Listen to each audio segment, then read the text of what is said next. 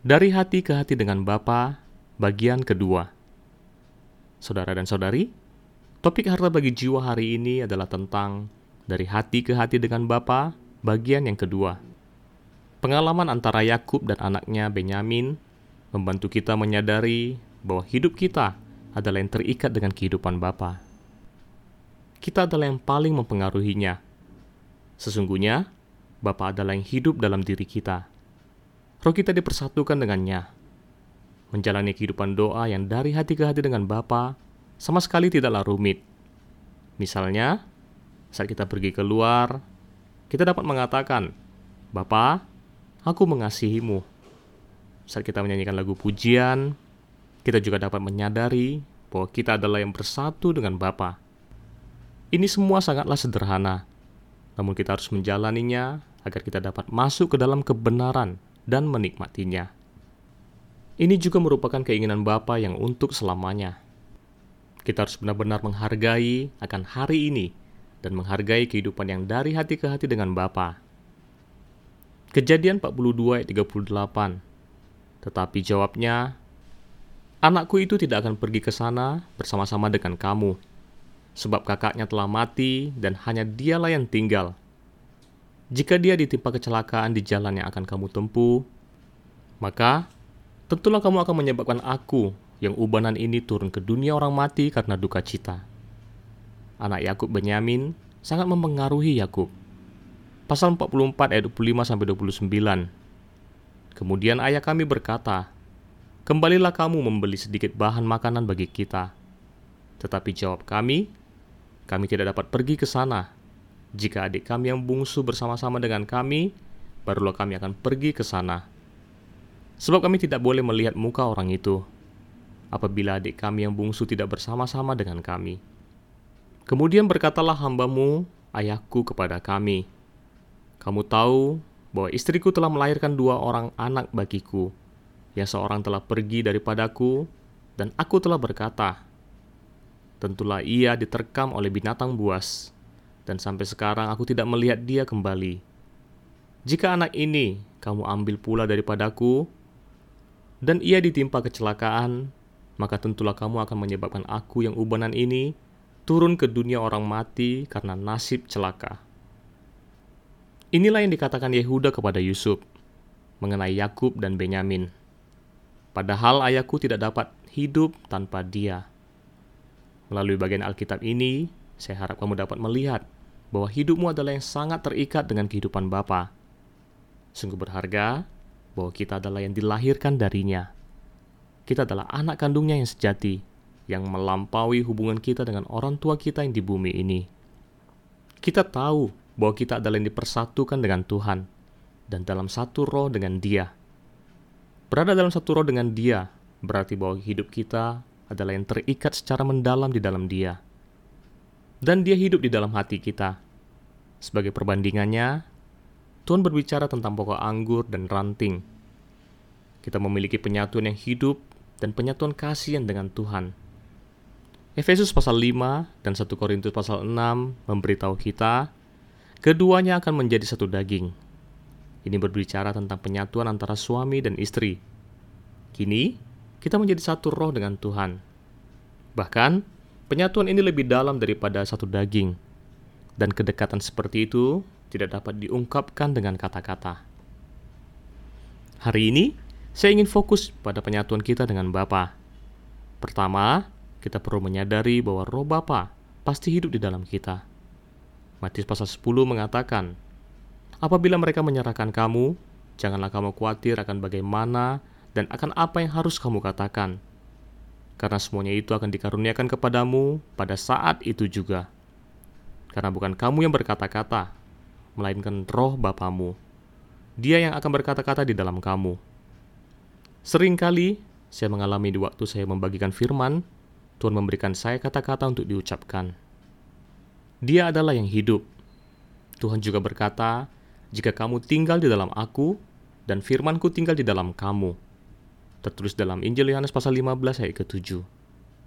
Oleh karena itu, jika kita tinggal di dalam Dia, maka Dia akan berbicara kepada kita, mengajar kita, dan membuka mata kita di sepanjang hari. kita akan mengalami firman-Nya yang tinggal di dalam kita.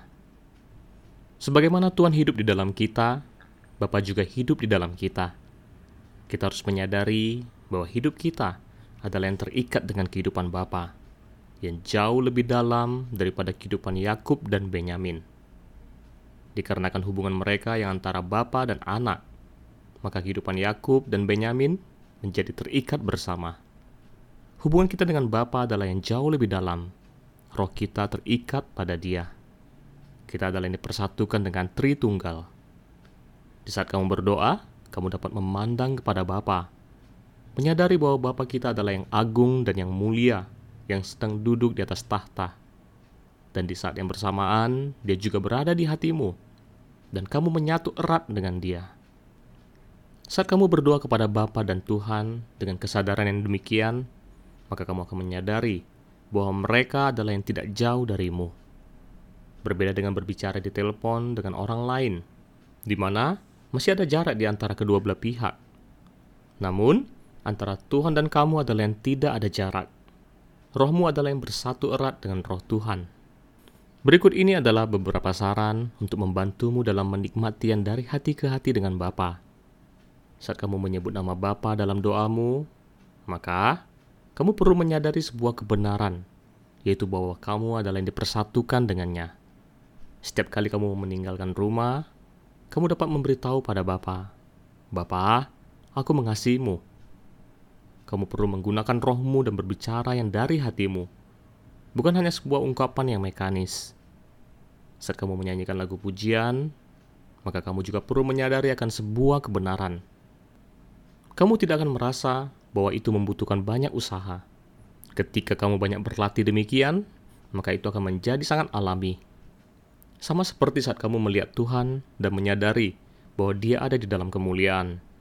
Dia ada di mana-mana, dan yang dalam waktu bersamaan, Dia juga ada di dalam hati kita. Hal itu tidak membutuhkan usaha yang ekstra dari dirimu. Kamu akan merasa sangat dekat dengan Bapa. Kamu akan merasa hangat dan manis. Kamu tidak akan pernah sendirian. Saat Tuhan ada di bumi ini, dia juga berkata bahwa dia tidak sendiri. Saat kamu berdoa padanya, dari hati ke hati bersamanya, maka kamu akan yakin bahwa kamu adalah yang tidak sendiri. Mungkin dulu kamu mengetahuinya dari pengetahuan, namun kini kamu harus dapat lebih menyadari dan mengalami bahwa Dia adalah yang dekat denganmu. Berdoa kepada Bapa dan Tuhan dengan cara berbicara yang dari hati ke hati bersama mereka akan membawa manfaat dalam banyak aspek. Saat kamu mempraktekkannya, maka kamu akan lebih menikmati Bapa dan akan lebih mengasihinya. Kamu telah berlatih yang dari hati ke hati dengan Tuhan, maka tidak akan sulit bagimu untuk menikmati hidup bersama Bapa dengan cara yang sama. Ini bukanlah tentang berapa banyak yang saya bagikan. Yang membuat perbedaan adalah apakah kamu ada mempraktekannya atau tidak. Jika kamu ada mempraktekannya, maka kamu akan masuk ke dalam kebenaran ini dan akan lebih menikmatinya. Saya harap kamu dapat mengalaminya sendiri. Bapak memiliki hubungan yang pribadi denganmu. Saya tidak dapat menggantikanmu. Saya hanya dapat memberitahukan caranya padamu. Ini adalah yang sederhana, namun kita harus melakukannya. Hargailah hari ini dan nikmatilah hari ini dari hati ke hati dengannya di hari ini menjalani kehidupan yang manis dengannya. Rahmat dan kasihnya yang selalu baru di setiap hari. Marilah kita dari hati ke hati dengannya, menjalani kehidupan yang menyenangkan dengannya di hari ini. Saya merasa bahwa Bapak telah menunggu sekian lama.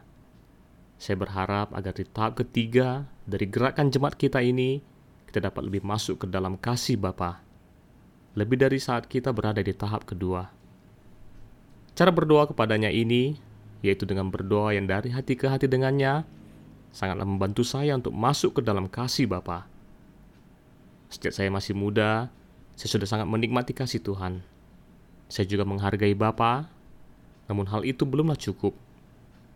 Di tahap pertama, kita belum cukup untuk menikmati Bapa. Nah, di tahap ketiga ini, saya yakin Tuhan akan menuntun kita untuk masuk lebih dalam lagi ke dalam kasih Bapa. Bapak dan Tuhan sangat menginginkan hal ini. Saya telah percaya kepada Tuhan selama lebih dari 60 tahun. Dia masih menginginkan agar kita menjadi yang paling dekat dengan Dia.